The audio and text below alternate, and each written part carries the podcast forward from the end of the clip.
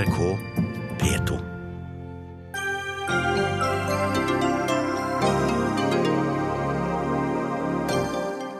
Vi er lei av å ikke bli hørt, sier lederen for Helsetjenesteaksjonen. Nå har aksjonen sendt varslerbrev til det norske folk.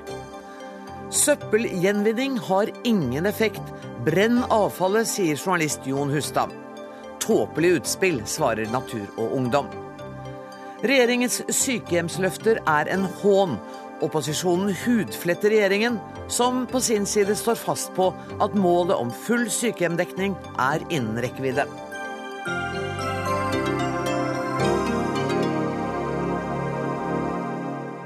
Dette er sakene i Dagsnytt 18 denne juli-fredagen, der vi også skal høre at Frp mener at forholdene i landbruket er verre enn noensinne, og skylder på landbruksministeren.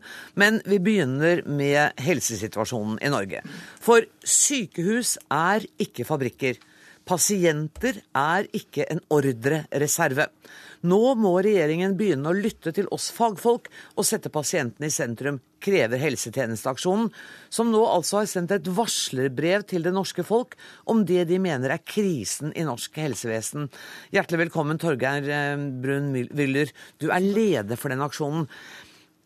Du sier, og har sagt til en kollega av meg tidligere i dag, at dere er lei av å ikke bli hørt. Har dere kommet i dialog med helsemyndighetene i det hele tatt? Ja, vi har vært i dialog både med helseministeren og med mange av helsepolitikerne fra andre partier. Og vi blir lyttet høflig til og får en høflig dialog. Men vi er sterkt i tvil om de vi snakker med, skjønner alvoret i situasjonen. Og om de skjønner at situasjonen nå og det kvalitetstapet vi har hatt til nå, bare er barnemat i forhold til det som vil skje fremover, hvis man ikke staker ut en ny kurs. Vi ønsker at vi, vi vil gjerne ha politikerne på banen eh, til å være med og diskutere hvordan skal vi få endret kursen, slik at vi kan komme tilbake til en situasjon der pasienten står i sentrum, der fagligheten blir tatt på alvor, og der vi slutter å oppfatte helsevesenet som en bilfabrikk. Dere begynte jo som en liten aksjon. Det var noen få leger. Eh, og det er bare noen måneder siden. Hvor mange er det nå som har eh, meldt seg på i den aksjonen? Altså, Vi er ikke noen medlemsorganisasjon. Nei, vi er en aksjon. ja. Ja, slik at Vi har ikke noen medlemstall, for det går ikke an å melde seg inn hos oss. Men eh, alt vi får av heiarop fra grunnplanen i helsevesenet rundt om i hele landet, og både i spesialisthelsetjenesten og i kommunene, gir oss jo en økende visshet om at det vi setter ord på, representerer en uro, en bekymring, en fortvilelse som er eh, felles rundt omkring. Og, eh, og der veldig, veldig mange er takknemlige for at noen nå tar bladet fra munnen og advarer. Og Det er derfor vi nå har til, sendt ut dette varslerbrevet, som vi har kalt det. Fordi vi til nå kanskje har debattert i litt sånn akademiske vendinger, men vi syns at befolkningen har krav på å få vite hva som er store grupper av helsearbeideres bekymring. Og dette er ikke noen legeaksjon, dette er en aksjon som springer ut av grasrota i norsk helsevesen, kommuner og sykehus. Ja, for det, det er bra du sier det med at det ikke er en legeaksjon. at eh, Helseminister Støre sa vel også at, at også leger må være fleksible. Det skjer endringer i arbeidslivet. Og jeg har også hørt folk som sier at dette er en sånn Dette er legenes kamp for å komme tilbake i den gamle autoritære situasjonen som dere var i. Ja, Det er selvfølgelig et uh, takknemlig og ganske billig argument. Uh, det er klart det skjer endringer i helsevesenet. Helsevesenet endrer seg hele tiden, og veldig mye av det er uh, drevet frem av fagmiljøene selv, fordi også helsefagene endrer seg. Mm. Men det som vi har fått i de siste årene, er en økende grad av endringer som er påtvunget helsevesenet utenfra, som ikke er forankret i fagmiljøene, og som ikke er til det bedre. Og Det er det vi roper et varsko mot. Nina Tangnes Grønvold, du er statssekretær i Helsedepartementet. Og er, er, dette siste poenget noe av det viktigste? Dette med at det gjennomføres politisk styrte endringer som man ikke har tatt seg tid til å forankre i fagmiljøene? Eh, helseministeren har jo vært tydelig på eh, at eh, omstillinger i helsevesenet og sykehustjenesten, at det skal lykkes, avhenger av forankring og brei medvirkning. Men han sier jo at det har ikke skjedd. Ja, nettopp. Der har også helseministeren pekt på at når det gjelder arbeidsplassen til eh, Brun-Wyller Oslo universitetssykehus, så var man nok ganske forhasta i en omstilling der og kunne ha brukt mer tid og dermed sørget for bedre forankring. Og det var også helseministeren veldig tydelig på i sin sykehustale i januar, at det er helt avgjørende for store omstillinger i sykehustjenesten at det er brei medvirkning, at de ansatte og organisasjonene er med, og at man bruker den tiden man trenger og følger avtaleverket. Men når dere, nå sier Willer at de blir lyttet høflig til. og det skjer ingenting. Eh, vi som driver politikk, vi er eh, utålmodige. Eh, men det kan, ja, det at helse, sånn, det kan nok være at helsetjenesteaksjonen da er enda litt mer utålmodig. fordi at nå jobber, det jobbes jo år etter år etter år med å forbedre og utvikle helsetjenesten. Og at en aksjon som har startet for to-tre-fire måneder siden, bare har hatt en del politiske møter og en del diskusjoner, men på en måte ikke, ikke, ikke ser veldig mange endringer on the ground, det, det, det er jo ikke noe, da syns jeg det er litt tidlig å være utålmodig. Når det er sagt, så er det jo sånn at hele den norske modellen, eller måten vi styrer samfunnet på, baserer seg i veldig stor grad på medvirkning. Og det handler jo særlig om arbeidstakerorganisasjonene og arbeidsgiverorganisasjonene. Og det handler om lovverket og medvirkning på arbeidsplassene. I tillegg kan folk bli irritert, drive aksjoner, underskriftsaksjoner og litt av hvert for å få eh, eh, fokus på ting. Eh, men det er jo først og fremst den solide liksom, grunnmodellen med medvirkning eh, og, og, og brei samfunnsstyring som vi jobber jobber etter. Ja, Men vi snakker altså om uh, vil dere er opptatt av, og det står i dette varslerbrevet som jeg nå har lest flere ganger, at det er pasienten som skal være i sentrum. Og du snakker ikke om pasienten. Og i et av de eksemplene dere har, Willer, så er det en pasient hvor hjemmehjelpstjenesten kommer og forklarer videre, du, og så trenger hun en annen type medisin. Ja, Det er et eksempel som faktisk er det er ett av veldig mange eksempler på akkurat det samme, som er veldig, veldig likt. Det er altså situasjonen hjemme, for hjemmeboende som har hjemmesykepleie, eh, som altså nå gis etter denne såkalte bestiller-utfører-modellen, som betyr at eh, det er fattet et vedtak i kommunens bestillerkontor på hva denne pasienten skal ha hjelp til. Og Hvis pasienten har vedtak på at hun skal ha hjelp til å få tablettene inn i munnen, så er, foreligger, foreligger, det ikke vedtak på at sykepleieren skal gjøre en løpende vurdering av om pasientens medisinering er optimal ut fra pasientens ofte svingende tilstand, om det, skal, om det er behov for å koble inn fastlegen f.eks. Hvis sykepleieren på eget initiativ gjør det, som vil være helt åpenbart ut fra sykepleieres fag, fagkompetanse og fagetiske normer, så risikerer sykepleieren å komme bakpå i forhold til eh, tidsbruken i forhold til runden sin.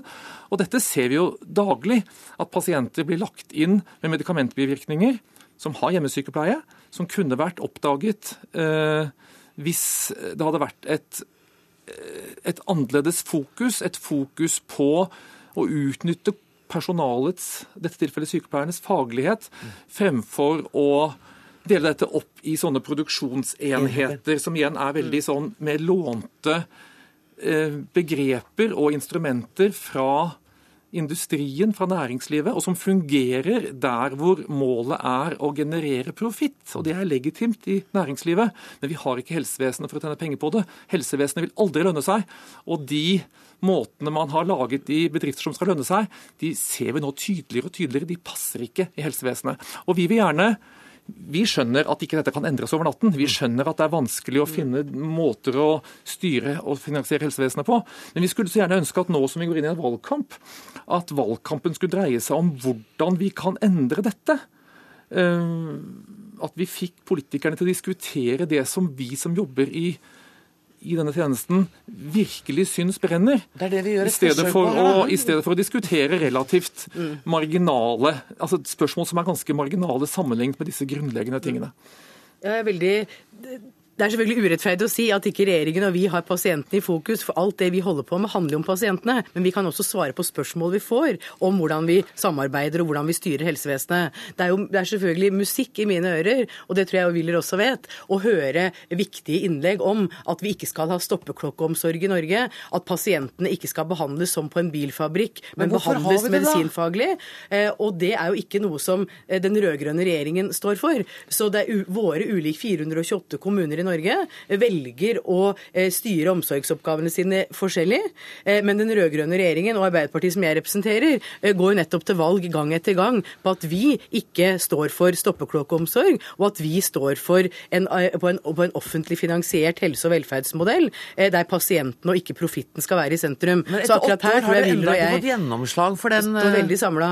Dere har ikke fått gjennomslag for det, da? Jo, det oppfatter jeg at vi har. I kommuner Nei, der Arbeiderpartiet styrer, eh, så må vi, bli, eh, må vi bli fotpult på vår kamp mot stoppeklokkeomsorgen. Og i sykehusene så handler jo nettopp det politiske valget vi nå står overfor i høst, om et rød-grønt alternativ med et fortsatt offentlig finansiert sykehusvesen, mm. eller en oppsplitting med utførsel av eh, økonomi til private internasjonale sykehuskonserner. Dette er jo et kjempeviktig kamp. Mm, vi kommer ikke lenger på denne her. Vi kommer til å snakke veldig mye mer om dette, men jeg er glad for at dere kom hit nå. Og du Nina Tangnes Grønvold skal være med i en sak som handler om eh, sykehjemplasser eh, litt senere i sendinga, men jeg sier takk til deg nå, Torgeir Brun Willer.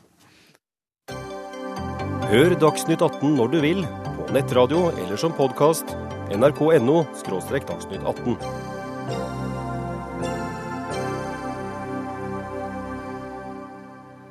Hun er tidenes yngste kandidat til Nobels fredspris, og har blitt kjent over hele verden for sin kamp for jenters rett til utdanning.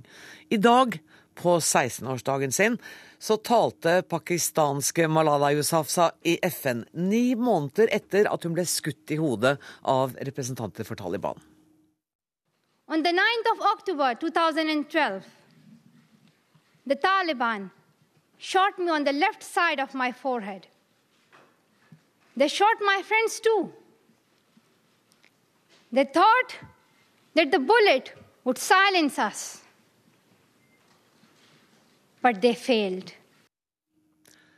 De trodde at kulene skulle få oss til å bli stille, men der tok de feil. De mislyktes, sa Malala. Um, Alexandra Kjensland Letlie fra Plan Norges ungdomsgruppe Uro. Du er i New York, og du har også snakket i FN i dag. Hvordan har det vært? Det har vært en helt fantastisk dag. Eh, det har vært så mye engasjement, så mye energi. Eh, mange engasjerte ungdom fra hele verden som har kommet sammen for én sak, og det er å sikre universell tilgang på utdanning. Eh, og det å få muligheten til å stå og snakke foran denne ungdomsgeneralforsamlingen forsamlingen har også vært en fantastisk opplevelse. Hva var budskapet i din tale? Budskapet i min tale var å bringe fram hvorfor jeg eh, har engasjert meg for utdanning. Eh, og det handlet om oppvekst, og det handlet om at man ble klar over situasjoner andre steder i verden. Eh, og globalt medborgerskap. Eh, jeg så uh, Malala på TV da hun holdt sin tale, og jeg tenkte at det må være en så stor opplevelse å sitte i den salen. Hvordan opplevde du det?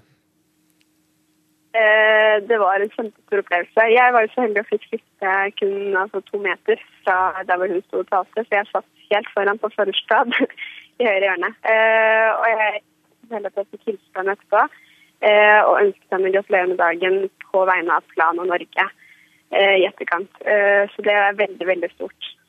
Eh, generalsekretæren i FN var der også. og Jeg så han satt og smilte og nikket. Og talen hennes ble avbrutt av applaus flere ganger.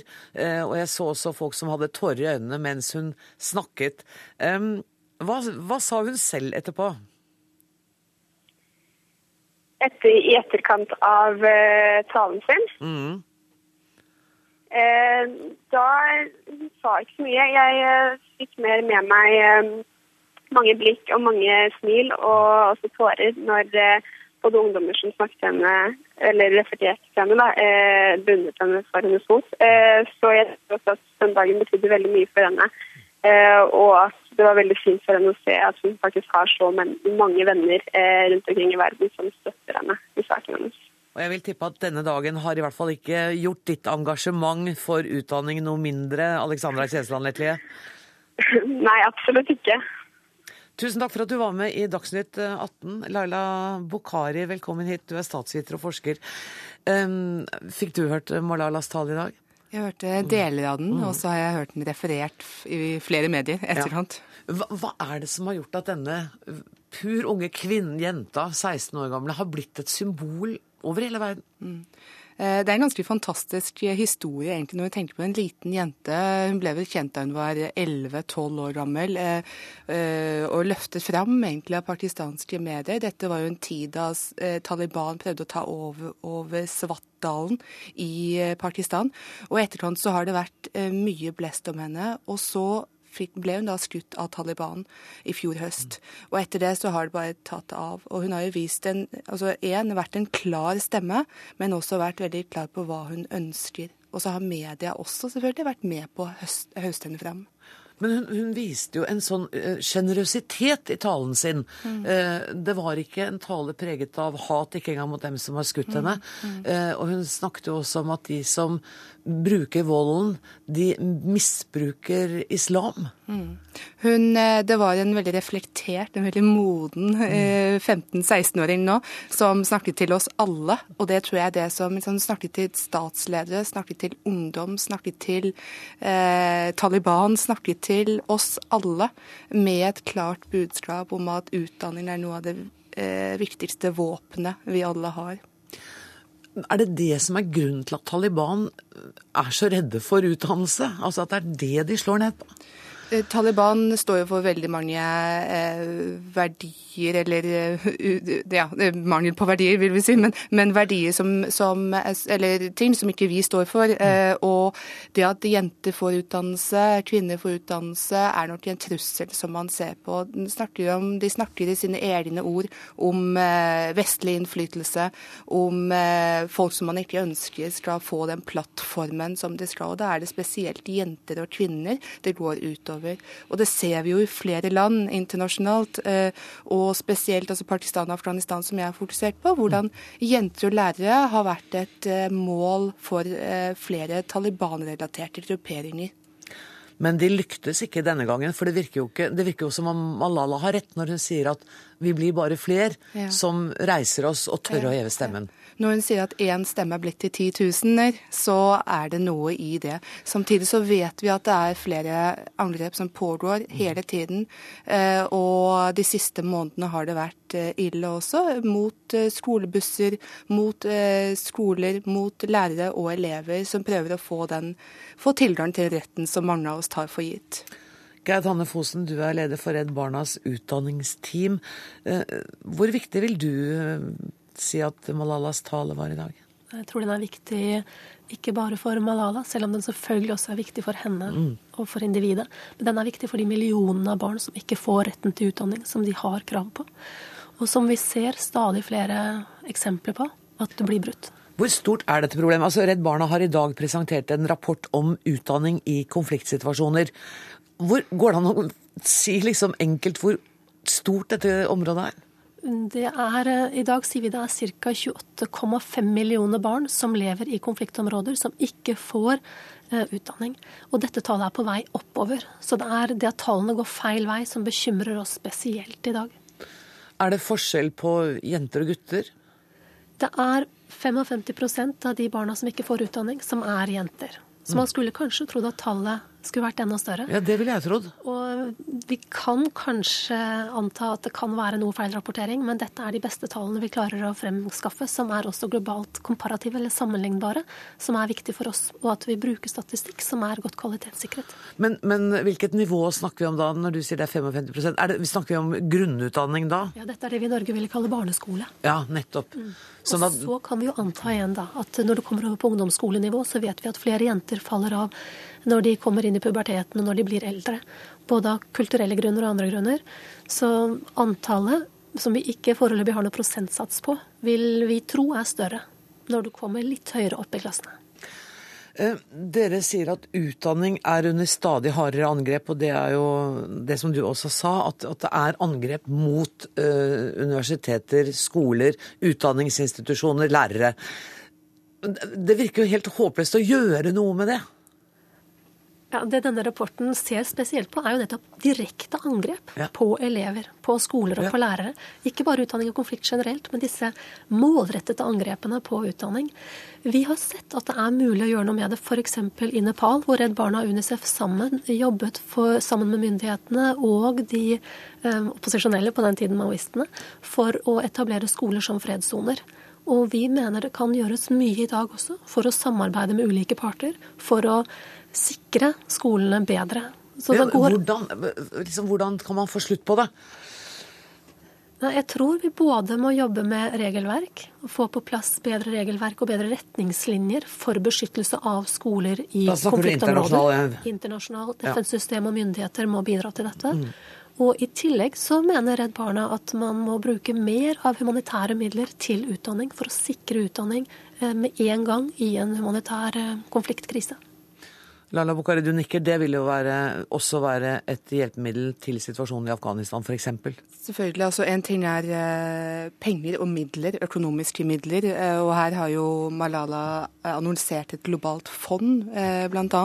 Men jeg tror nok det å øke bevisstheten hos befolkningen, befolkningen generelt og ledere eh, om eh, utdanning og viktigheten av utdanning er viktig. Eh, bevisstheten også hos foreldre på bakken er også viktig.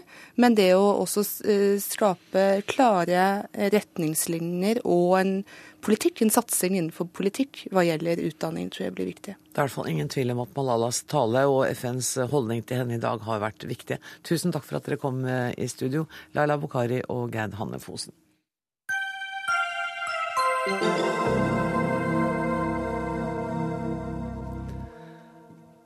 Nå er det de eldres tur. Det skrev Jens Stoltenberg i 2009 og lovet full sykehjemdekning innen 2015. Han lovet også å bruke 24 milliarder kroner for å bygge 12 000 nye sykehjemplasser. Og nå krangler Arbeiderpartiet og opposisjonen om hvor mange flere plasser som faktisk er bygd. Velkommen inn i studio igjen, Nina Tangnes Grønvold. Um, du har mye å svare for i dag. du.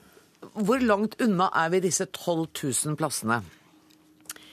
Ja, her kan det bli mye eh, tallspill og diskusjon om tall, men vi har jo fakta på bordet. Ja. Vi vet at eh, så langt så har Husbanken, som jo forvalter denne tilskuddsordningen, eh, gitt tilsagn til kommunene om tilskudd til 7245 sykehjems- og omsorgsplasser. Som skal stå ferdig innen 2015? Når de skal stå ferdig, det må hver enkelt kommune finne ut av. For her er det det som, er, det som vi har beskrevet i statsbudsjettene hvert år fra høsten 2007, det er en tilskuddsordning eh, som skal støtte kommunene med å bygge, og der vi innen utgangen av 2015 skal ha eh, gitt tilsagn om tilskudd til 12 000 plasser. Ja, men... Og så er det kommunene selv som bygger disse plassene, og som får pengene utbetalt når nøkkelen står i døra. Ja, men Det statsministeren sa, var innen 2015 skulle det være brukt 24 milliarder kroner, og det skulle være brukt, og det skulle være bygget 12 000 sykehjem parkeringsplasser.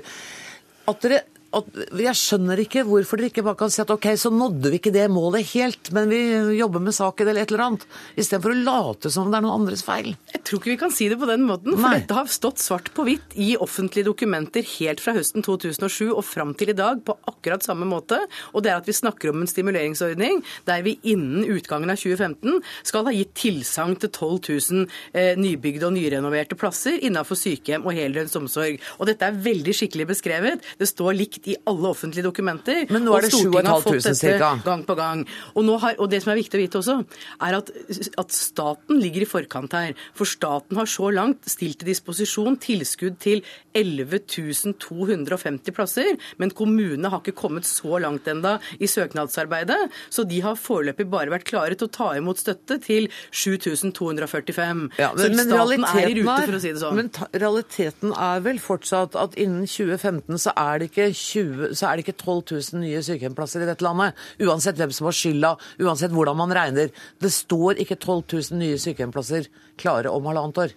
Her snakker vi ikke om noe skyld, men vi skal oppfylle vår jo, ambisjon om å tildele tilskudd til eh, 12 000 sykehjemsplasser innen utgangen av 2015. Da står det, to, da står det 12 000 nye sykehjemsplasser innen utgangen av 2015. Du får sitere meg korrekt. ja, Du sa tilsagn, og da blir det med en gang vagt. Det dere lovet, var full sykehjemsdekning og 12 000 nye plasser innen utgangen av 2015. Og Det er to litt forskjellige ting. Full sykehjemsdekning det betyr at alle som trenger en heldøgns omsorgsplass, skal få det. Det har man, man har krav på forsvarlig heldøgns omsorg også i dag. Men vi har sagt at vi skal gjøre et løft, slik at det blir enda lettere å få også en sykehjems- og omsorgsplass eh, med en frist til 2015. Men det konkrete ordningen vi snakker om, som står likt beskrevet i alle dokumenter hele veien, det er altså en ordning der staten skal gi de 428 kommunene tilsagn om til sammen støtte til 12 000 plasser innen utgangen av 2015. Og det har Stortinget sett i sine dokumenter helt fra høsten 2007. Kjell Arvid Svendsen, du er stortingsrepresentant for Kristelig Folkeparti og har sagt at uh, disse sykehjemløftene er en hån. Men de er jo ikke det, for de er jo helt i mål. Jeg syns dette ikke er en verdig debatt for det som Stoltenberg sa. Han handla, om å sette store mål, og dette var i valgkampen i 2009. Det var ikke snakk om det som du snakker om her fra 2007. I 2009 i valgkampen lovte Stoltenberg dette. Det var sykehjemsplass, og han sa faktisk alle eldre som trenger det, skal få det. Han var så konkret, og han sa faktisk at en skal sørge for de 12 000 nye sykehjemsplasser eller omsorgsboliger eller mer dersom det er behov. Så det første spørsmålet mitt er jo den forklaringen som vi nå kommer med, da har han altså i det utsagnet i valgkampen i 2009 lurt det ganske norske folk, som oppfatta dette løftet som 12 000 nye, friske sykehjemsplasser. Og det er bare til å se i VG Nett i dag og se hvordan representanten Hauglie prøver å forklare dette med om det er plasser, om det er nye, om det er dobbeltrom som er bygd om til enkeltrom. For å ta et konkret eksempel for å følge det han sier. Så hvis du altså ved et sykehjem bygger seks dobbeltrom om til enkeltrom, så får en etter Arbeiderpartiet sitt regnestykke seks nye plasser. Etter folk flest har det sykehjemmet fått seks færre plasser. Så det er, I forhold til tallet så er iallfall det det norske folk helt klart oppfatta, at det var 12 000 nye plasser. Og det er faktisk det Kristelig Folkeparti har lagt i forhold til sine budsjetter, og ønsker å gjøre det. Og jeg syns det heller ikke er verdig å begynne denne her skyllebytta mellom faktisk stat og kommuner. Det er kommunene som skal bygge ut, det er helt rett, men det var faktisk statsministeren som garanterte dette i 2009. Derfor har bl.a. Kristelig Folkeparti, både i budsjettet for, for 13 Det er to ting det tilskuddet som skal til bygget, det ønsker vi å heve fra 35% til 50% nettopp fordi at kommunene skal bli satt i stand til å bygge disse. Og så er det den andre frukten for kommunene, det er faktisk at dette skal driftes. og Derfor plusser vi jo på det 750 millioner til kommunene til drift av dette. Så i forhold til tallene så har vi nok eh, en helt forskjellig oppfatning. Jeg tror faktisk jeg tror jeg har de fleste av det norske folk med meg på det som en oppfatter av det som Stoltenberg sa i valgkampen i 2009. Kunne dere gått bare opp en del prosent på det som er støtten til kommunene? Eh, nå er det jo sånn at Vi foreløpig har den støttesatsen på, på 35% som har ligget hele veien. Men det er ikke noe dårlig forslag å diskutere den satsen. Eh, og det vet også KrF godt. at eh, Det er vel sannsynligvis mot rød-grønn side de må vende seg. Hvis de skal drøfte ytterligere satsinger både på kommunenes driftsinntekter og på ulike satsingsforslag ellers på kommunene. Der er det jo kjent at den rød-grønne regjeringen har styrka kommuneøkonomien i veldig stor grad. Og siden omtrent en tredjedel av kommunen nettopp er helse- og omsorgstjenestene, så har vi jo da forsøkt å legge veldig godt til rette for en skikkelig og verdig helse- og omsorgstjeneste i alle norske kommuner. Men har, uh, har Svendsen et helt feil bilde av det som skjer? Jeg tror det blir vanskelig å sitte i Dagsnytt 18 og konkurrere om hvem som representerer det norske folk her, og hvem som kjenner statsministeren best. Det, derfor syns jeg det er veldig, veldig, veldig godt å støtte seg på eh, formelle formuleringer og korrekte beskrivelser når det gjelder den ordningen vi snakker om. Når det gjelder forholdene i norske kommuner og verdigheten og forsvarligheten i norsk eldreomsorg, så har den heldigvis blitt mye bedre de siste åra. Eh, folk blir gjennomgående godt ivaretatt, og de groteske eksemplene vi ser av folk folk som ikke får den omsorgen som er verdig, den blir heldigvis tatt fatt i i de aller fleste kommuner, som har nå har råd til å drive verdig omsorg. Og så er det viktig å vite at vi har fastsatt både kvalitetsforskrifter og verdighetsgarantier som skal løfte sektoren ytterligere. Og nå har det kommet et helt nytt forslag de siste ukene om at vi også nå sørger for at det blir kommunestyrene, rådmenn, ordførere i alle kommuner som får plikt til å diskutere kvaliteten i eldreomsorgen, slik at det blir løfta på høyeste politiske politiske hold. Vidar Lønn Arnesen, du representerer seniorsakene. Du sier at regjeringen fossror, men nå hører du her at det er, jo, det er jo et ønske om å gi en verdig eldreomsorg, og man mener at man er på riktig vei? Jo, men det er ikke bare roing som foregår nå. Nå har de speedbåter. Og Seniorsaken, som da er en partipolitisk uavhengig organisasjon på de eldres side, alle eldre, vi synes nå at diskusjonen omkring eldreomsorgen i Norge, og i særdeleshet denne sykehjemsproblematikken, er blitt mer og mer grotesk de siste årene. Ja, rett ut sagt så er det vel nå blitt et narrespill, rett og slett. Omsorgen for de eldste har stått i sentrum for de fleste partiene i flere valg på rad, men stemmer egentlig virkeligheten og festtalene overens? Det er bare å spørre. Jeg tror svaret er et rungende nei. For som det her sies, i 2009 sa statsministeren høyt og tydelig med et smil rundt munnen at eldreomsorgen i Norge skulle nå skinne, og han lovet at innen 2015 skulle 12 000 nye sykehjemsplasser tas i bruk. Og til nå To år før denne tidsfristen er bare drøye 2000 plasser realisert av disse 12 000. Flere omsorgsleiligheter er også tatt med i tallet av de, i disse 2000, men da må vi ikke glemme et øyeblikk at omsorgsleilighet er slett ikke sykehjemsplass. Så det er ikke mye å rope hurra for, med andre ord. Og, men du har jo også Vidar Lønn Arnesen, spådd en krise i denne eldreomsorgen. Hva er det som, eh, om noen år, eh, hva er det som får deg til å tro at vi går mot en krise? Jo, vi er rett og slett i den fasen nå eh, i Norge at vi blir flere og flere, for vi bor i verdens beste land. Og da må man jo følge etter og bygge ut, slik at man står parat når den dagen kommer at enda flere trenger, trenger sykehjemsplass. Helseminister Jonas Gahr Støre han benytter nå, hører vi, enhver anledning til å gjenta løftene om at alle som trenger helsehjelp i Norge skal få det, men eh, det høres vel egentlig bare ut som tomme ord, eller kanskje valgflest i disse dager. Det er nemlig helt klart at vi har altfor få plasser til å fylle dagens og fremtidens behov. Det er forbudt med venteliste for sykehjemsplass i Norge, men daglig får vi i seniorsaken meldinger fra fortvilte pårørende om at deres kjære ikke får sykehjemsplass. Ingen plasser å oppdrive kommunen vår, det er bare å vente, er refrenget fra inntakskontorene. Svært mange av søkerne har forresten ikke tid igjen til særlig å vente lenge. Mm. Nina Tagnes Grønvold, det der er jo også en virkelighetsbeskrivelse? da? Ja, jeg skal være den første til å uh, stå sammen med de som uh, opplever at de ikke får forsvarlig omsorg ute. Men heldigvis så er det fortsatt, uh, eller er det unntakstilfellene. De aller fleste av kommunene våre yter verdig og forsvarlig hjelp så langt overhodet er mulig. Så skjer det noen feil innimellom, men da er man heldigvis ofte raskt ute med å rette opp. Men det som også er viktig å få sagt, er at nå har regjeringen akkurat kommet med en ny stortingsmelding, som ofte er den måten vi jobber på politisk, der vi snakker om hvordan framtidas omsorg skal bli. Der sier sier vi at vi skal fortsette å bygge heldøgns omsorgsplasser. Dette stopper ikke i 2015, men vi varsler at vi skal videreføre og få enda mer fart på byggingen av boliger for å møte det som er den varige andelen, i andelen av eldre i samfunnet vårt. Mm. Men det er også viktig å si, det er ikke noe krise. Det er en bonus i velferdsstaten og en seier som vi har kjempa for. Så vi vil jo egentlig feire at vi får en økt andel eldre, og flere og flere kommuner nå vil bygge opp fram mot 2020 og 2025 for å ta imot disse, alle disse eldre på en mest mulig skikkelig måte er så glad dere skal feire at vi blir flere eldre. Det gleder jeg meg veldig til. Dette er jo en krise, dere. For altså helsepolitisk talsmann for regjeringa sier at bygging av sykehjem er et kommunalt ansvar. Og det er vi enige om alle sammen. Men, men, men ærlig talt, dere. Føres det ingen kontroll med hva kommunene bruker bevilgede penger til?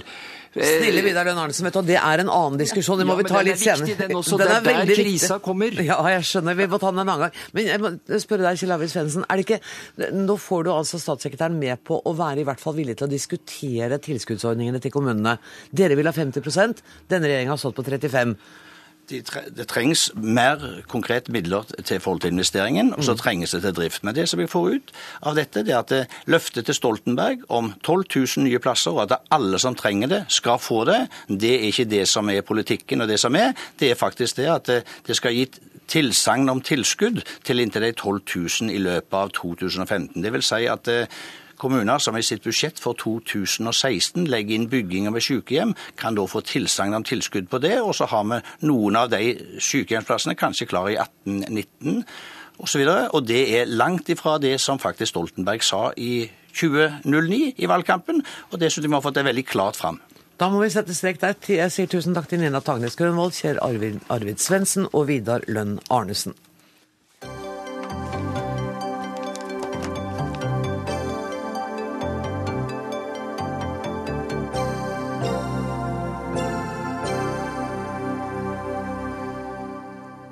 Vi bruker og kaster mer enn noensinne. På drøyt 20 år har mengden søppel som hver nordmann produserer årlig, nesten blitt fordoblet. Det kunne vi lese i dagens Vårt Land.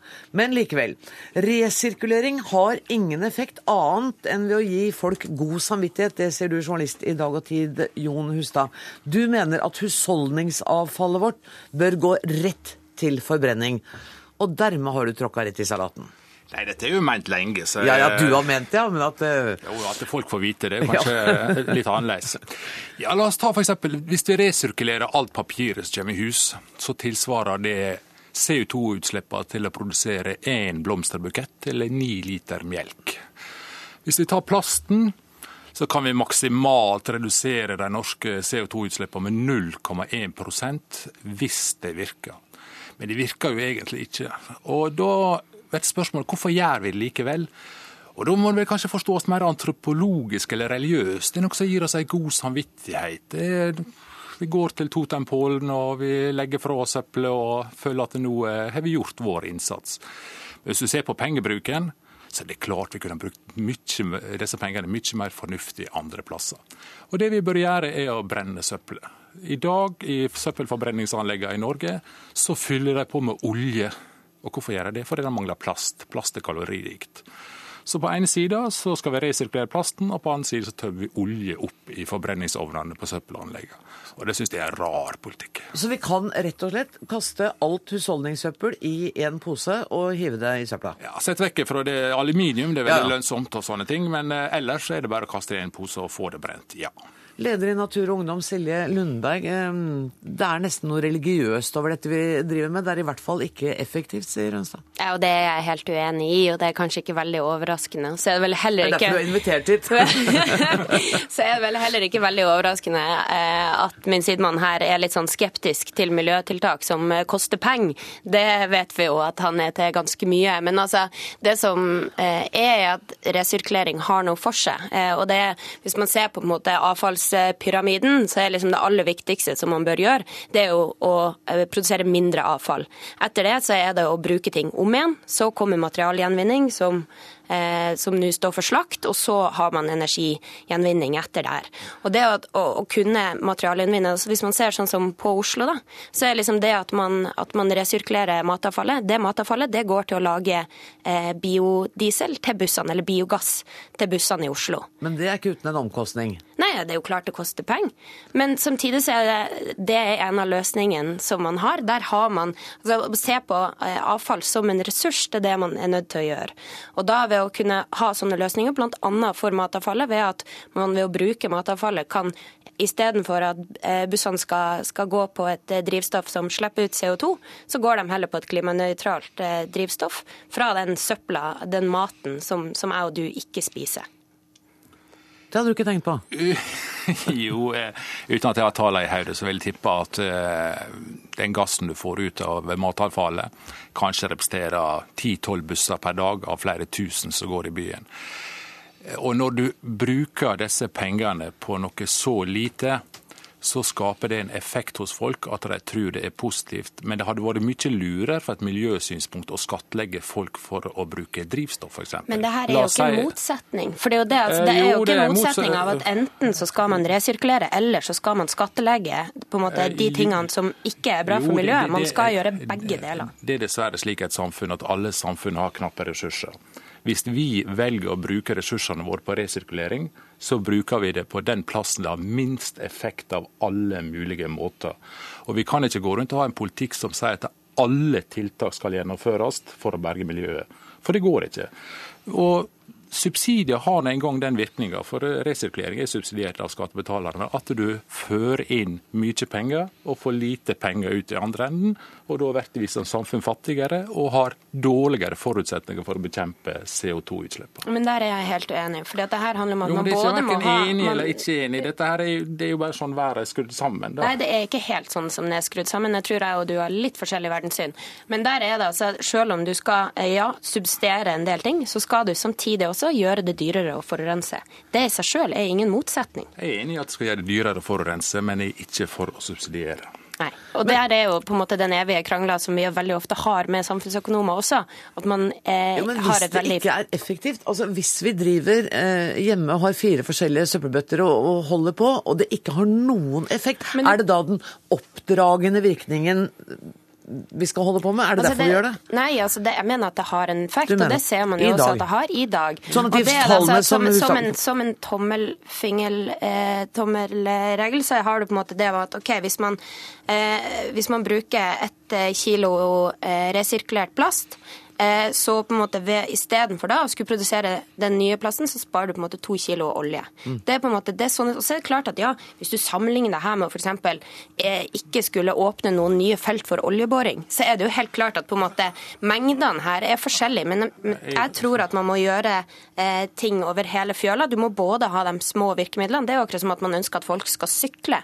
Det er ikke det som vil på en måte i seg sjøl berge klimaet, men det er en del av løsninga. Og det mener jeg også at resirkulering er. Eh, for det første er jeg uenig i regnestykket ditt, skal ikke gå for nøye inn på det, men når du resirkulerer plast, så taper du halvparten av energien når du skal bruke den opp igjen. Mm. Det er mye mer effektivt å brenne den i ovnene enn å helle olje i ovnene. Og så kan du si at du er uenig med meg eller ikke, da, men når vi maksimalt i et veldig heldig scenario sier SSB kan redusere CO2-utslippene gjennom resirkulering med 0,3% av de samla utslippene, så syns jeg det er rart at miljøbevegelsen er så opptatt av dette. Fordi folk går rundt og tror at det de gjør har en effekt. Og når folk tror at de gjør det gode, så slutter de å gjøre andre ting som kunne være mye bedre. Og det er der det største problemet med resirkulering er, at det gir folk en kjensle av at nå er vi med å berge klimaet. Men hva er det du da mener de skal gjøre, siden du mener at det her er på en måte noe som hindrer dem i å gjøre andre ting? La oss gå ut ifra at, at eh, plastresirkulering har en effekt. Hvis det har en effekt, og du tar en tur til USA med fly, fram og tilbake, så må hele familien, hvis den er fem stykker, resirkulere i 70 år. Og da blir det så lite at det er Jeg tror det blir litt for enkelt å skulle sette det opp som at enten så resirkulerer man hjemme, eller så flyr man til USA. Altså det, det... Jeg vet hva jeg har mest lyst til av de to tingene. Vet du hva, tida vår er ute. Jeg tipper at uh, dere begge to går hjem og resirkulerer, vil jeg tippe. For å si sånn, Alle menn som er gift med kvinner, vet hva de må gjøre. Tusen takk for at dere kom, Jon Hustad og Silje Lundberg.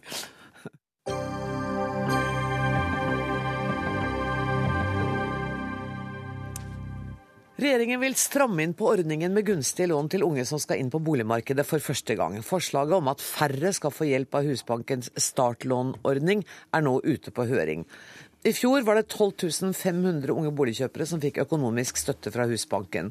Og stortingsrepresentant for Arbeiderpartiet Eirin Sund, hvorfor skal antallet som får denne støtten bli lavere. Jeg forstår at summen ikke nødvendigvis bli lavere, men antallet mennesker som er førstegangskjøpere skal bli lavere. Hvorfor det? Men Det er ikke rett, for vi skal ikke stramme inn. Vi skal presisere regelverket som finnes i dag, som gjør at enda flere skal få.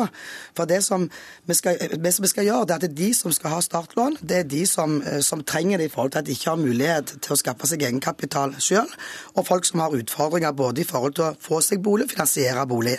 Så at men nå er det sånn at alle kan få, ikke sant? Ja, det, er ikke, det er ikke våre egne sånn at alle kan få. Det har hele veien vært sånn at det har vært folk som trenger det, som skal ha det. Men du har på en måte ikke Det er ikke de som har hatt varige betalingsutfordringer eller varige boligutfordringer, som på en måte har alltid fått det. Det er litt sånn at Vi skal nå lage et system som gjør det sånn at de som trenger det, skal ha det. Ja. Er du ei alenemor med to unger og, og, jobber som barnehageassistent i en barnehage, da har du ikke sjans med egenkapital å få gjort dette med bare privat eh, bank og lån. Da skal du kunne få hjelp. Men, men før du... var det flere som kunne få nei, det. Da trengte du ikke være i den situasjonen for å be om det startlånet. Nei, nei, men jeg tenker at det er de som skal få den hjelpen, det er de som trenger det. Og, og det har aldri blitt betalt ut så mye i startlån som det blir nå, og enda flere vil det bli til de som som faktisk har behov for det. Stortingsrepresentant, igjen velkommen tilbake. Kjell Arvid Svendsen, hjelp meg nå. For det skal altså bli flere som får det, og det skal bli mer penger? Ja, nå, Etter de tallene som jeg så, så var det faktisk betalt ut 2,4 milliarder mindre dette året enn i fjor. Så i forhold til det så ser jeg ikke noe behov for å trekke inn. Vi er fullstendig enige med regjeringen og det Eirin Sund her sier, om at eh, vi ønsker de svake gruppene skal, som hun snakker om, skal ha det. Men dette, denne nye ordningen, innskrenkningen på dette, det er usosialt på grunn av, i forhold til, i forhold til de unge. Det er det jeg ikke forstår nå. Ja, men det, det blir jo det. det. det. som hun sier, det er at det er de som skal klare det på en annen måte. Og det er nok der uenigheten vår er. For de unge som i dag har fått et, eh, gått opp til 15% med egenkapital. Eh, de har vanskeligere krav. Jo, hvis de i løpet av flere år klarer å oppspare seg så mye at de kan komme inn på boligmarkedet, så skal de klare seg i bank. Det er jo det som er hovedutfordringen i dag. De unge uten kapital som nå blir tatt ut av denne ordningen. Og der er da hovedankepunktet vårt på den nye ordningen og den typen innstramning, at de skal da bli skjøvet ut. Men det, det, er jo ikke riktig dette her. For at unge folk vil òg i fortsettelse kunne få startlån. Men vil, de vil, ikke kunne få det hvis du har økonomisk evne til å kunne få lån i banken. Så da kan du ikke få det. Så det, det, er en forandring der, ikke sant? Det er en presisering for å stramme det opp. Nei, men det er en forandring. Ja, kall det en forandring. Men ja, det, det som er det viktige, er jo at eh, nå skal de som altså Flere og flere skal få, og de som skal få det, er de som trenger det mest. Men jeg tenker at spørsmålet er jo, spørsmålet er jo ikke på en måte å lage til system som skaper enda mer etterspørsel. Det som bør være hovedutfordringen vår, det er å gjøre noe med det som er det reelle problemet. og Det er at det er for altfor mange som ønsker bolig, og det er for få boliger. Og Da må vi òg legge til rette for at de som ikke har muligheten for å komme inn på boligmarkedet, for de ikke har kapital til det, de skal få det med startlån, men ikke de som ikke trenger det. For et startlån det kan dekke inntil hele eh, innskuddet, ikke sant? 100 ja, Da trenger du ikke noe egenkapital. Nei, for da er det det du får hjelp med. sånn at Dette vil jo òg hjelpe helt vanlige folk. I dag er det helt alminnelige folk som har problemer med å komme seg inn på boligmarkedet. Problem i forhold til å kunne stille til rådighet den finansieringen som en bør ha, og de vil òg bli hjulpet av dette. Og Det er ikke uenighet at de skal bli hjelp, men eh, det som vi ser, ut ifra sånn som ordningen blir, så snakkes det fint om de unge som skal kunne klare å ordne det sjøl. Men eh, det som har kjennskap til de unges inntog på boligmarkedet i dag, kjenner de kjempeproblemene de har. Dette med å gå opp til den 15 med egenandel, det er blitt et kjempeproblem. Og vi mener jo, har konkret sagt at eh, en bør i forhold til BSU-en, så bør denne rammen økes til 300 000. Og jeg tror faktisk det er viktig med at vi bygger flere studentboliger i forhold til prisen. Og så er det faktisk slik at vi ønsker å la de unge få muligheten til å slippe til på boligmarkedet. Det er jo det mest gunstige og lukrative markedet som finnes i dag. Og at de unge skal ha mulighet, og det har vi total boligpolitikken. Så det er, det er nok hovedsaken. Men vi tror dette med innskrenkningen, den forandringen i forhold til som vi nå er inne på startlån, den tror vi ikke vil virke positivt for de unge etablererne. Men Kjell Arvid, altså BSU-ene, der er det altså sånn at det er de aller fleste fleste ungdommene som sparer det, det er de unge, ungdommene som har foreldre og selv er ganske pengesterke. Det, rammer, det virker ikke et virkemiddel som hjelper de som sitter dårligere i det. Så jeg tenker at det vi må gjøre, det er å bygge flere studentboliger. Kommunene er nødt til å ta et mye større ansvar for å bygge utleieboliger, få på plass areal så du kan få bygge disse husene. Vi som stat skal ordne opp i staten at en, en stemmer og, og får fortgang i innsigelser og sånne ting. Og så må vi på en måte da Eh, legge til rette for at boligene faktisk blir bygd. Så Vi er ikke så uenige, Kjell Arvid, men jeg tror altså, det er feil å si at det skal bli færre som får, for det er flere som skal få. Og nå bevilger vi 5 milliarder nye kroner i revidert nasjonalbudsjett, og de meste av de pengene der går til startlån. Ja, men jeg tror fremdeles eh, at eh, det du sier i forhold til BSU, det er jo sånne som eh, tjener penger som får avdrag på skatten, så jeg tror ikke du skal automatisk at det, det er rike foreldrene. Men sånn som det er i forhold til boligmarkedet, så vil nok vi si at vi er redd for at dette kan få en usosial tendens i forhold til de unge inn på markedet. Eller så tror jeg, som Eirin Sund sier, at vi skal være enige om det meste og se på dette, hovedsaken, og, og få tak i og flere boliger. Men er ikke, ja, nettopp er ikke hovedproblemet det at det er umulig å komme seg inn fordi prisene er skyhøye, mm. og det er for få mm. boliger? Det er jo det som, det er der det ligger. Men da lurer jeg samtidig på, når du sier at man skal utvide ordningen med startlån, hva er grunnen til at det har blitt utbetalt færre, mye mindre penger Altså, Det har vært en del si, ikke uheldige, så i alle fall ikke gode eksempel på hvordan han det ut. Han har betalt ut startlån til folk som faktisk ikke trenger det. Og det som er Poenget er at en, en, en, en lager ikke en ny regel, en bare presiserer og lager det, litt strammer det opp i den forstand at det, det, nå er mer tydelig på hvem som skal få det. Men så er det sånn at det er kommunen som skal ha ansvaret, og det er kommunen som i hvert enkelt tilfelle skal vurdere om du trenger det, eller om du ikke trenger det. Dette er tredje saken i dag hvor kommunene får ansvar for alt mulig. Jeg er glad jeg ikke er hver kommune. Ja, men det er, veldig, altså, det er ingen som kjenner det så godt som de som har skoen. holdt på å si. Eller de som, bare, det er, hvordan var det dette med den skoen som, der skoen trykker? Da kjenner en det best. Og den som har skoen, skoen på. på. Ja. ja. Og, og, kommunen klart, de, har, de vet hva, kjenner innbyggerne sine, og de vet på en måte hvordan de skal forholde seg til dette. Ja, Men hvorfor er det da så dårlig stilt, og hva er det som er grunnen til at man går ned i, i utbetalingene til startlånet men, når flere og flere trenger det? Men det er ikke riktig. Det er, flere, det har aldri vært så mange som får utbetalt startlån som det er nå. Men summen er lavere nå enn den var i fjor? Nei, ja, det skal ikke jeg påstå. Jo, summen er per akkurat nå, det skal jeg ikke påstå. Men uansett så er det flere som har fått, og det kommer enda mer penger inn enn det noen gang har vært før. Etter mine tall så var det faktisk eh, var ikke 2,4 milliarder mindre i år, hittil i år enn det var i fjor. Og det stemmer jo veldig dårlig med at det er veldig mange flere som har fått det. Men jeg er så glad for at dere er enige om at eh, det, de unge bør hjelpes inn på markedet, og da må dere bare sørge for at dere finner løsninger på dette. Da må vi bygge mer, mer boliger enn det vi har. Det tror jeg også dere er enige om. Ja, det, og det er noe av det hovedargumentet vårt. Det er den sosiale boligpolitikken for å slippe de unge inn til dette markedet. Tusen takk for at dere kom, Eirin Sund fra Arbeiderpartiet, Kjell Arne Sven Arvid Svendsen fra Kristelig Folkeparti.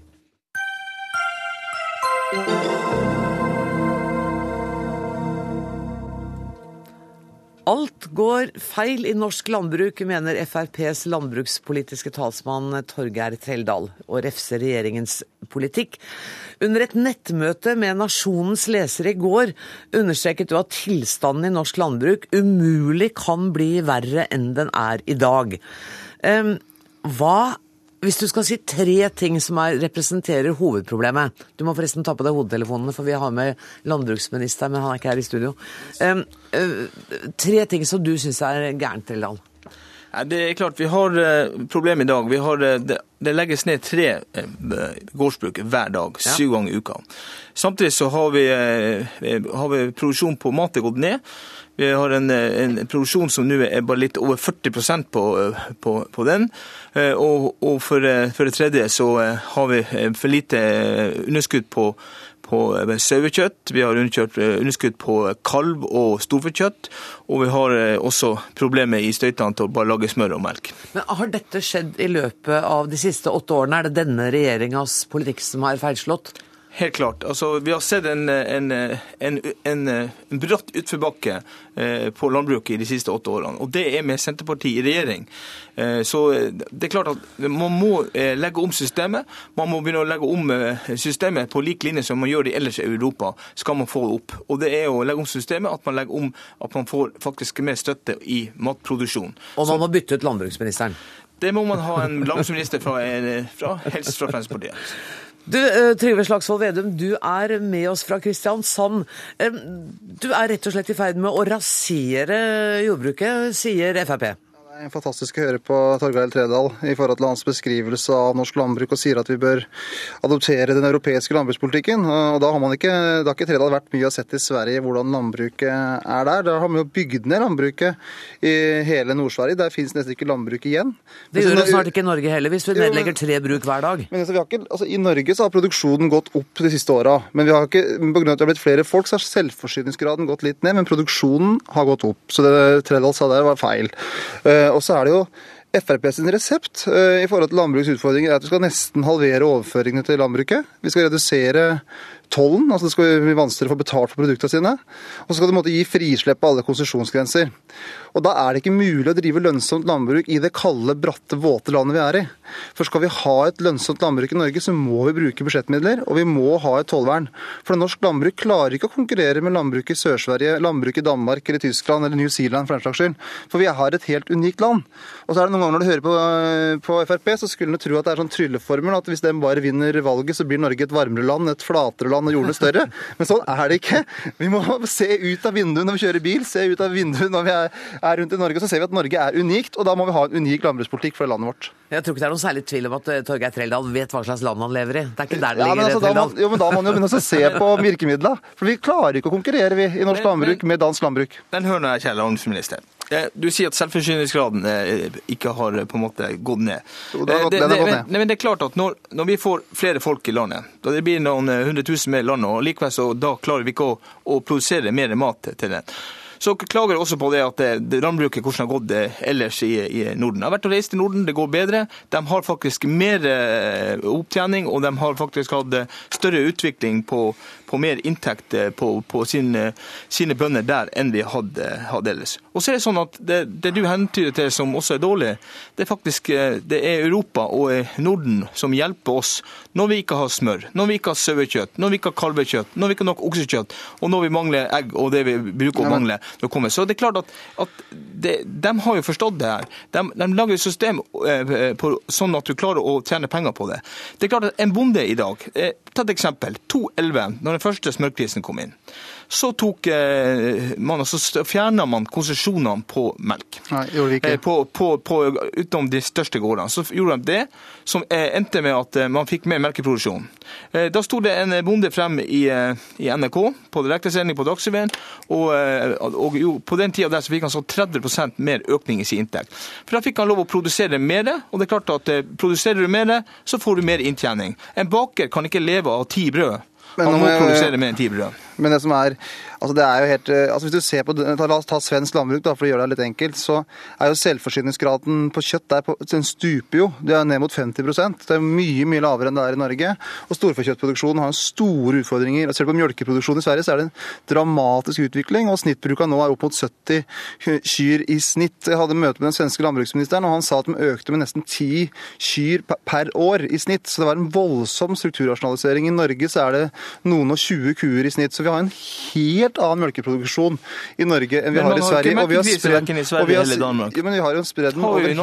spredd, den, over, hele landet, og vi har en stor produksjon. Men Også hvis Torgeir Trældal hadde satt seg jo, men, jo, jo, men hadde trodd, jo, ja, og det er veldig viktig at vi har melkekvoter. For at det, det, noe av det dyreste for, for, et landbruk er hvis du får stor overproduksjon, eh, og at man ikke får brukt de produktene man produserer. Derfor så har vi et kvotesystem på mjølk. Derfor har vi konsesjonsgrenser på gris, kylling som vi, som vi, og fjørfe som vi har vi har i Norge, for at vi ikke ønsker overproduksjon. Og Når det gjelder den smørutfordringa, så har ikke det vært noen særnorsk utfordring. Det har vært en utfordring i veldig mange europeiske land. Og også i forhold til biffilet så er det en utfordring i veldig mange europeiske land. For vi har gått fra en periode der det var overskudd av landbruksprodukter i hele den vestlige verden, til å bli en periode der det er underskudd av landbruksprodukter. Og Torgeir Trædal må reise litt mer rundt, møte litt mer internasjonalt Det er ingen som hører hva dere sier når dere snakker i munnen på hverandre. Så nå, gir jeg Trældal ordet. Ja, jeg stiller deg direkte spørsmål. Eh, man har altså underproduksjon på storfekjøtt. Og da har eh, fagfolk i Tyr eh, sagt at hvis de får gjøre noe med produksjon, at man får tilskuddet økt fra 50 opp til 75, så skal de ta ut sånn at det ikke det skal være da selvprodusert og ikke trenger å importere noe av det kjøttet. Det ber de om som fagfolk. Og det sier dere nei til, og vi har for lite. Hvorfor, det, hvorfor gjør dere det? Ja, men, altså, vi har innført, I årets jordbruksoppgjør så innførte vi det hovedkravet som Tyr var opptatt av, i forhold til produksjonspremie, i forhold til økt volum. Det gjorde vi. Nei. Og så er det jo det helt utrolig når Trældal sitter og er så frekk. For, for at dere har jo kutta nesten halvparten av budsjettstøtta i hvert eneste budsjett. Og, og hoveddelen av budsjettstøtta i norsk landbrukspolitikk den går jo nettopp til storfe og sau. Så det, hvis man for det første kutter nesten halvparten som dere gjør, og for det andre kutte tollvernet, så ville det ikke vært mulig å drive lønnsom storfeproduksjon i Norge i det hele tatt. Så det er det som Trældal må svare på. Ja, vil du ha en matproduksjon i Norge, så må du bruke virkemidler, og dere vil ikke bruke virkemidler. Dere vil halvere støtta, ja, dere vil redusere tollvernet, og da altså, øker du Virkemidler er jo mange måter å virkemidler på. Vi vil ha inn virkemidler. Eh, vi kutter litt mer eh, på eh, en del av det i, i systemet der går. Det er rett som du sier. Men vi gjør også andre ting. Vi, vi gjør inn på, eh, på, på skattelette, vi gjør på reduksjon på, på, på, bygg. Vi gjør andre ting som SSB har beregna at, at, det faktisk gir mer penger inn til landbruket. Men vi gjør det på andre måter enn det dere gjør på det. Og, og, og det må jo kunne ta, ta inn over det at når deres system er sånn at det aldri har lagt ned så mange landbruk mer, det er matjorda blir mindre og mindre, vi har en, en, en selvforsyning som detter, så kan man gjerne unnskylde seg at det blir flere i landet. Men hvis man, eh, man må jo kunne dekke i selvforsyning med at det blir 100 000 mer i landet, da må man jo øke produksjonen. Ja, og, når, og når bøndene sjøl sier la oss få øke produksjonen, og la oss få tjene penger, så skal vi også gi nok mat og nok selvforsyningsgrad. Hvorfor kan dere ikke høre på de folk flest? Kanskje på tide å komme ut av regjeringskontorene på de tjukke veggene og komme ut og prate med bøndene som det er der ute i det ganske land? Ja, jeg er jo bonde sjøl og drev med storfekjøttproduksjon. Og, og som, jeg, som, jeg, håper Torgeir vet, så finnes det ingen produksjonsbegrensninger på storfekjøttproduksjon i Norge. Du kan produsere så mye du overhodet vil. Eh, og så er det jo derfor vi har økt budsjettbevilgningene også i år, eh, med 500 millioner, og laget en jordbruksoppgjør som, som, gir mulighet for 31 000 kroner mer per årsverk, nettopp for å øke produksjonen. Så for du må bruke virkemidler. Vet Vet du hva, jeg har tenkt å sette strek der, og så håper jeg at dere begge to får en kjempehyggelig helg og en deilig fredagskveld i juli. Denne Dagsnytt 18-sendinga er over. Jeg takker Torgeir Treldal og Trygve Slagsvold Vedum. Ansvarlig for denne sendinga var Magnus Bratten. Det tekniske ansvaret har Lisbeth Selreite. Jeg heter Anne Grosvold. Nå tar vi helg.